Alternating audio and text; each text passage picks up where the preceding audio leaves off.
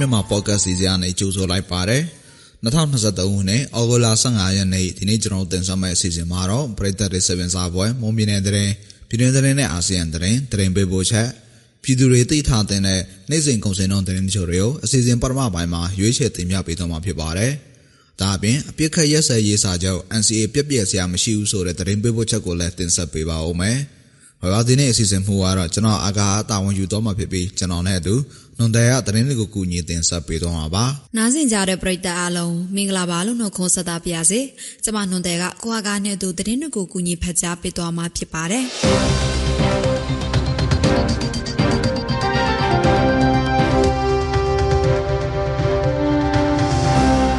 ပထမဦးဆုံးသတင်းတွေပေါ်အနေနဲ့ တိုက်ထုံမြို့နယ်ကင်းမွန်ချောင်းရဲစခန်းကိုကရင်မျိုးသားလူမျိုးရေးတမတော် KNAA နဲ့ပြည်သူ့ကာကွယ်ရေးတပ် PDF ပူးပေါင်းတပ်ဖွဲ့တို့ကဒရုန်းနဲ့တိုက်ခိုက်ခဲ့ပါတယ်။ကင်းမွန်ချောင်းနယ်မြေရဲစခန်းကိုတော်လှန်ရေးပူးပေါင်းတပ်ဖွဲ့တို့ကတနေ့ရဒရုန်းနဲ့နှစ်ကြိမ်တွားရောက်တိုက်ခိုက်ခဲ့တာပါ။ရဲစခန်းတိုက်ခိုက်ခံရပြီးတဲ့နောက်ရဲစခန်းဘက်ကလက်နက်ကြီးနှလုံးနဲ့ပြန်လည်ပစ်ခတ်ခဲ့ကြောင်းရဲစခန်းဘက်ကပစ်ခတ်လိုက်တဲ့လက်နက်ကြီးဟာလူနေရက်ကွက်အတွင်းကြားရောက်ပောက်ကွဲခဲ့တယ်လို့ဒေတာခန်တွေကပြောပါရယ်။ ရဲစခန်းဘက်မှပြစ်ခတ်လိုက်တဲ့လက်နက်ကြီးကြီးတစ်လုံးဟာရောင်ကြီးဦးရက်ွက်ရှိအောင်မုတ်ဒီဘုံနာကြောက်ွယ်ခဲ့ရာပဲပြုတ်ရောင်းနေတဲ့အသက်40အရွယ်ဒေါ်တီရာဆိုတဲ့အမျိုးသမီးတူကြီးစားထိမှန်တန်ရာရရှိခဲ့ပါတယ်။ကြိုက်ထုံမျိုးနဲ့ကြိုက်တရိုးတောင်ချေမှာရှိတဲ့ကင်းမွန်ချောင်းနိုင်မြေရဲစခန်းကိုပြီးခဲ့တဲ့အပြီးဂျွန်လာတုံးကလည်း KNA PDF ပူးပေါင်းတပ်ဖွဲ့တို့ကဒရုန်းနဲ့တိုက်ခိုက်ခဲ့ပါသေးတယ်ခင်ဗျာ။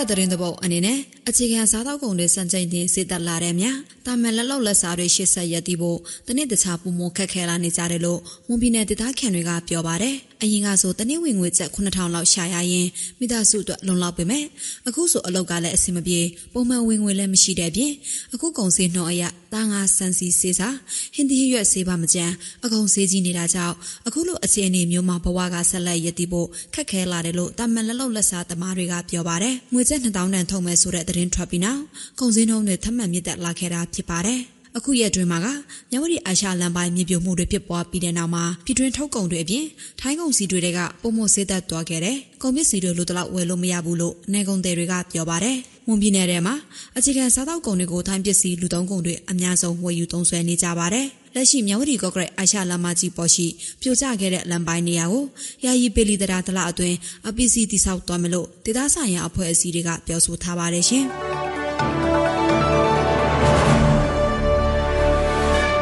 နောက်ထပ်သတင်းတော်အနေနဲ့ကရင်ပြည်နယ်မြောက်ဝတီမြို့လက်ခတ်တောင်စစ်တပ်ကပြန်သိမ်းဖို့ကြိုးစားနေတဲ့တိုက်ပွဲမှာဒီနေ့ဩဂုတ်15ရက်မနက်အစောပိုင်းနဲ့နေ့လယ်7:00နာရီခွဲမှာလေကြောင်းတုံးတိုက်ခိုက်တယ်လို့လက်နက်ကြီးတွေနဲ့ပစ်ခတ်နေတယ်လို့မြေပြင်စစ်ရေးအခြေအနေသိရှိသူတူကပြောပါတယ်။ကြောက်လုံကြီးမှာတပ်ဆွဲထားတဲ့စစ်ကောင်စီတပ်ကလက်ခတ်တောင်ဘက်မှာတော်လန်ရေးတပ်တွေအခြေချနေတဲ့ဆိုတဲ့ယူဆချက်နဲ့ပြစ်နေတယ်လို့လက်နက်ကြီးတွေနဲ့လှမ်းပစ်နေတယ်လို့နှစ်ဖက်တိုက်ပွဲတွေလည်းရှိနေတယ်လို့ဆိုပါတယ်။ လက်ခတ်တောင်စစ်စခန်းကိုပြီးခဲ့တဲ့ဇူလိုင်23ရက်က KNL နဲ့ PDF ပူပေါင်းတပ်ဖွဲ့တွေကတင်ပိုက်ခဲ့ပြီးတဲ့နောက်ဒီစခန်းကိုပြန်ရဖို့စစ်ကောင်စီတပ်ကဩဂုတ်လ10ရက်နေ့စပြီးပြစ်ခတ်နေတယ်လို့ဒေတာအခြေအနေသိရှိသူတူကပြောပါတယ်ရတတပတ်ကြော်လာတဲ့ဒီတိုက်ပွဲမှာစစ်ကောင်စီနဲ့ပြည်သူ့စစ်ပူပေါင်းတပ်ဘက်ကတေဆုံးတာရှိလာတဲ့နောက်ဒီနေ့မနေ့မှာတော့စစ်ကောင်စီတပ်ကလက်ခတ်တောင်ပတ်ဝန်းကျင်နေရာ9နေရာလောက်ကိုလက်နက်ကြီးနဲ့ပစ်ခတ်နေတယ်လို့ဂျက်လီရင်နဲ့ဘုံလာကျဲတယ်လို့ဒီရက်ခန့်အချို့အဆိုပါတယ်ခင်ဗျာ။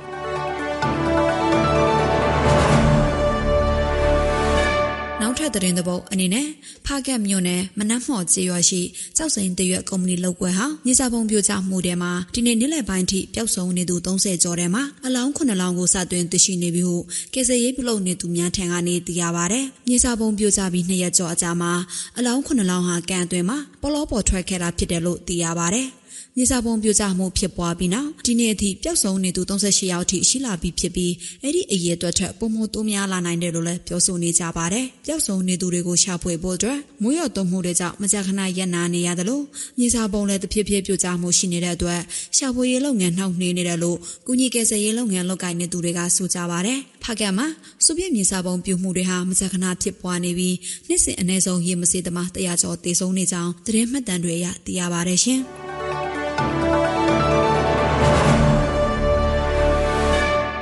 နောက်ဆုံးသတင်းတစ်ပုဒ်အနေနဲ့စစ်တပ်ကအာဏာသိမ်းအုပ်ချုပ်နေတဲ့မြန်မာနိုင်ငံမှာတည်င်းလွတ်လပ်ခွင့်အခြေအနေတွေကျဆင်းနေပြီးကမ္ဘာတလွှာနိုင်ငံပေါင်း180အနက်တရင်လွတ်လပ်ခွင့်အဆင့်183နေရာမှာရှိနေကြောင်းပြင်သစ်အခြေဆိုင်နန်စီမချာတရင်သမားများအဖွဲ့ RSF ရဲ့နှစ်ပတ်လည်တရင်လွတ်လပ်ခွင့်အညွှန်းကိန်းမှာဖော်ပြပါရယ်2021ခုနှစ်အာနာသိမ့်ပြီးတဲ့နောက်လွတ်လပ်တဲ့တရင်မီဒီယာတွေဖျက်သိမ်းခံခဲ့ရတဲ့မြန်မာနိုင်ငံမှာ တရင်လွတ်လပ်ခွင့်တွေကြားဆင်းလာခဲ့တယ်လို့လည်းဆိုပါတယ်စစ်ကောင်စီရဲ့အာဘော်အတိုင်းမဖော်ပြတဲ့တရင်သမားတွေအပေါ်မှာအကြံဖတ်နှိမ်နေတဲ့မူဝါဒကိုစစ်ကောင်စီရဲ့ကြီးကဲဗိုလ်ချုပ်မှုကြီးမင်းအောင်လှိုင်ကပြောင်ပြောင်တင်းတင်းကြေးတောင်းလာတယ်လို့လည်းဆိုဆွဲထားပါတယ်တမတော်ကိုအကြီးညိုပြည့်စင်မှုပုံမှာ electronic ဆက်သွယ်ရေးဥပဒေပုံမှာတွေအပါအဝင်လိုရာဆွဲအရေးယူနိုင်တဲ့ဥပဒေတွေကိုလည်းသတင်းသမားတွေကိုဖိနှိပ်ရမှာအတုံးချနေတယ်လို့ပြောပါတယ် စစ်အာဏာသိမ်းထားတဲ့မြန်မာနိုင်ငံမှာသတင်းမီဒီယာလုပ်ငန်းဟာအန္တရာယ်ကြီးတဲ့အလုပ်တစ်ခုဖြစ်လာနေပြီးဖန်စီထောင်ချတာညှဉ်းပန်းနှိပ်စက်တပ်ဖြတ်ခံရတဲ့အထိကြုံနေရတယ်လို့လည်းဖော်ပြထားပါတယ်။ကမ္ဘာမှာတရုတ်နိုင်ငံပြီးရင်သတင်းသမားတွေဒုတိယအများဆုံးဖန်စီထောင်ချခံရရတဲ့မြန်မာနိုင်ငံမှာဖန်စီတိမ့်တိမ့်ခံရရတဲ့သတင်းသမား85ယောက်ရှိနေတယ်လို့လည်း RSF ရဲ့ထုတ်ပြန်ချက်မှာဖော်ပြထားပါတယ်ခင်ဗျာ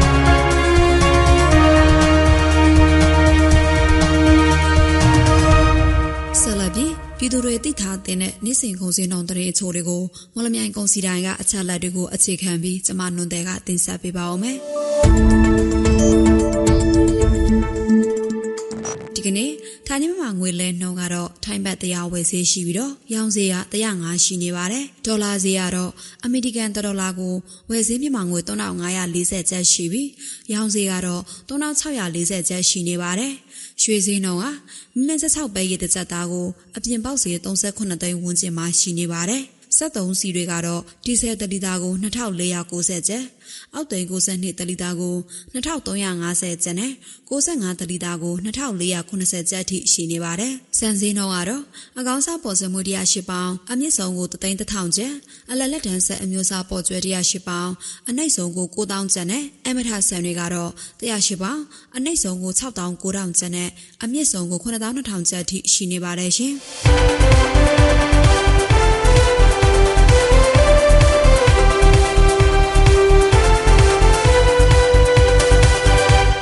ခုတင်ဆက်ပေးသွားခဲ့တာကဩဂုတ်လ15ရက်နေ့မှာဖြစ်ပျက်ခဲ့တဲ့မှုမြင်တဲ့တဲ့ပြည်내တဲ့နဲ့အာဆီယံတဲ့နဲ့အပြင်တနိတာစီစေးငွေစင်းနဲ့ကုန်စည်နှုန်းတွေကိုတင်ဆက်ပေးသွားခဲ့တာဖြစ်ပါတယ်။ဆက်လက်ပြီးတော့အပြစ်ခတ်ရက်စဲရေးစာချုပ် NCA ပြည့်ပြည့်စရာမရှိဘူးဆိုတဲ့သတင်းပေးပို့ချက်ကိုနဒီယာတင်ဆက်ပေးပါဦးမယ်။ နိုင်ငံလုံးပြစ်ကတ်တက်ခိုက်မှုရစဲရေးသဘောတူစာချုပ် MCA ပြည့်ပြည့်စရာအကြောင်းမရှိဘူးလို့ပို့အမျိုးသားလူမျိုးရေးအဖွဲ့ချုပ် PNLO မှဥဆောင်နိုင်ရကပုံမှုကြီးခွန်အောက်ကကပြောပါတယ်။ MCA စာချုပ်ပါချက်လက်တွေကိုမလိုက်နာတဲ့အဖွဲ့အစည်းတွေလည်းရှိနေကြောင်း MCA ရတည်ဆောက်ထားတဲ့ဆက်ဆံရေးရောင်းတွေဟာလည်းလဲပတ်နေဆဲဖြစ်တယ်လို့သူကဆိုပါတယ်။ဘာမှအထူးပြောမလို့ပါဘူး။ဒီတူတယောက်ပြောလို့ MCA ပြတ်တဲ့သဘောမဟုတ်ပါဘူး။ ဒီ MCA ပြတ်ပြပြီးပြောတာကဒီစစ်ကောင်စီဥက္ကဋ္ဌက NCA ကို မလိုက်နာတဲ့အဖွဲ့တွေရှိတယ်လို့ ပြောတာကို တုံ့ပြန်တဲ့အနေနဲ့ ပြောတာဖြစ်ပါတယ်။စကားရည်လုပွဲလိုပေါ့ဗျာ။သူနိုင်ကိုယ်နိုင်ပြောတော့ NCA ပျက်ပြယ်ပြီပြောမှ လိုက်နာဖို့မလိုဘူးဆိုတာ ဆွဲသွားတာပါ။လက်တွေ့မှာတော့ ပျက်ပြယ်ဖို့ အကြောင်းမရှိပါဘူးဗျာ။ဘာကြောင့်လဲဆိုတော့ ပျက်ပြယ်ပြီ NCA မှာ မပါတော့ဘူးဆိုရင် ကျနော်တို့ ဘားအံတို့၊ မြဝတီတို့၊ထားဝယ်တို့မှာထားတဲ့ Liaison Office လို့ခေါ်တာပေါ့။ဆက်ဆံရေးရုံးတွေက ရုပ်သိမ်းရမှာ။အခုအားလုံး အလုပ်လုပ်နေကြတာပဲ။အဲဒါဆိုတော့ခေါင်းဆောင်တယောက်အနေနဲ့ နည်းပရိယာယ်အရပေါ့ဗျာ။နိုင်ငံရေးဒီဘိတ်မှာ စကားရည်လုပွဲမှာ နည်းနည်းပါးပါး ထိုးထိုးပြောလိုက်တဲ့သဘောပါ။လက်တွေ့မှာတော့ ပျက်စရာအကြောင်းမရှိပါဘူး။ ဩဂုတ်10ရက်နေ့ကကျင်းပခဲ့တဲ့ကရင်အမျိုးသားစီအောင် KMU ရဲ့18ကြိမ်မြောက်ကွန်ဂရက်အပြီးရက်တရာပြည့်သတင်းစာရှင်းလင်းပွဲတွင်ကရင်အမျိုးသားစီအောင် KMU မှအထွေထွေသွင်းမှုပတိုးစောတာတူမှုက MCA ပြည့်ပြည့်သွားပြီလို့ပြောဆိုခဲ့တာပါ MCA စာချုပ်ကို KMU PNLO စမ်းပြည်ပြလဲထူထောင်ရေးကောင်စီ RCSS ချင်းအမျိုးသားတပ်ဦး CNS မြန်မာနိုင်ငံလုံးဆိုင်ရာចောင်းသားများဒီမိုကရက်တစ်တပ်ဦး APSDF မွန်ပြည်သစ်ပါတီ NNSP ဒီမိုကရေစီအကျိုးပြုကရင်တပ်မတော် TKVA ကရင်အမျိုးသားစီအောင်ကရင်အမျိုးသားလူမျိုးရေးတပ်မတော်ငြိမ်းချမ်းရေးကောင်စီ KMU KNRAPC ရခိုင်ပြည်လူမျိုးရေးပါတီ ARB ရခိုင်ပြည်လူမျိုးရေးပါတီ ARB လာဟုဒီမိုကရက်တစ်စီအောင် ADO တို့လက်မှတ်ထိုးထားပါတယ်2021ခုနှစ်ဖေဖော်ဝါရီလရက်နေ့ကစစ်တပ်အာဏာသိမ်းပြီးနောက်အပြည့်ရဆယ်ဖွဲ့နဲ့ဖွဲ့စည်းထားတဲ့ငြိမ်းချမ်းရေးလုပ်ငန်းစီဦးဆောင်ဖွဲ့ PPSD မှာ KMU RCSS CNF ABSDF NNSP တို့ဟာအဖွဲ့ဝင်ဖြစ်ကနေနှုတ်ထွက်ကြောင်းစာတင်ခဲ့ကြသလိုအပြေအဝပူပေါင်းပါဝင်မှုအစီကိုလည်းရောချထားပါတယ်။ MCA အရလူသားချင်းစာနာထောက်ထားမှုအကူအညီတွေပေးလျက်ရှိနေကြောင်းသို့တော်လည်းနိုင်ငံရေးအပိုင်းမှာလှုပ်ဆောင်ခြင်းမရှိတော့ဘူးလို့ဗိုလ်မှူးကြီးခွန်အောင်ကကပြောပါတယ်။ NCA မှာကကျွန်တော်တို့အခန်း9ခန်းပါတယ်မိကြမ်းပါပါဗျာ။နောက်ပြီးတော့ပြဋ္ဌာန်းချက်ပေါင်းအလုံး ကျွန်တော်တို့33ချက်ရှိတယ်ဗျ။အဲ့ဒီပြဋ္ဌာန်းချက်တချို့ကိုဥပမာ KNU ခေါင်းဆောင်ပြောသလိုပေါ့ဥပမာအခြေခံမူတချို့ကိုဖောက်တဲ့အဖွဲ့အစည်းတွေရှိပါတယ်နော်တမတော်ဖောက်တယ်ဆိုတာလည်းတချို့ရှိပါတယ် NCA ထိုးပြီးတော့ပြန်ဖောက်တဲ့အဖွဲ့တွေလည်းရှိပါတယ်သို့တော့တချို့ လောလောဆယ်ဆယ်မှာ engagement လုပ်လို့ရနေတဲ့ ပြဋ္ဌာန်းချက်တွေလည်း ရှိပါတယ် ဥပမာ အရသားများကို အကာအကွယ်ပေးရမယ်ဆိုတာတော့လူသားချင်းစာနာမှုဆိုင်ရာ အကူအညီတွေကို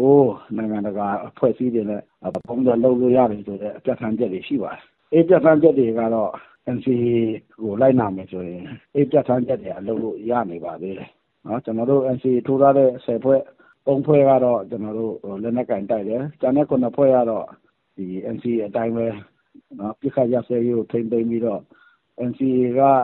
ပြဋ္ဌာန်းချက်အရပါဗျာ လူသားချင်းဆိုင်ရာ အကူအညီတွေပါတွေကို ကျွန်တော်နယ်မြေထဲမှာရှိတဲ့လူတွေကို ရှာဖွေပေးပြီးတော့ နိုင်ငံတကာနဲ့ လုပ်နေတာတွေလည်း ရှိပါတယ် ဒါကြောင့် လုပ်လို့ရတဲ့အပိုင်းလည်း ရှိပါတယ် သို့တော့နိုင်ငံရေးအပိုင်းမှာတော့ နည်းနည်းခက်တယ်။လက်တွေ့လူထုပြည်သူလူထုကို အကူအညီပေးတဲ့အပိုင်းမှာတော့ လုပ်လို့ရတာလေးတွေ ရှိပါတယ်။ဒါအဲ့လုပ်လို့ရတာကိုလည်း ကျွန်တော်တို့ တနိုင်တစ်ပိုင် လုပ်နေကြတာလည်း ရှိပါတယ်။ဒါကြောင့်ပြည့်ပြည့်သွားတာဆိုတာတော့ မဖြစ်နိုင်ပါဘူး။ လက်ရှိမှာလည်းအပြည့်ရလက်မှတ်ရေးထိုးထားတဲ့ KMU, CNN, ABSDF တို့ဟာစစ်ကောင်စီနဲ့တိုက်ပွဲတွေဖြစ်ပေါ်လျက်ရှိနေပါတယ်ရှင်။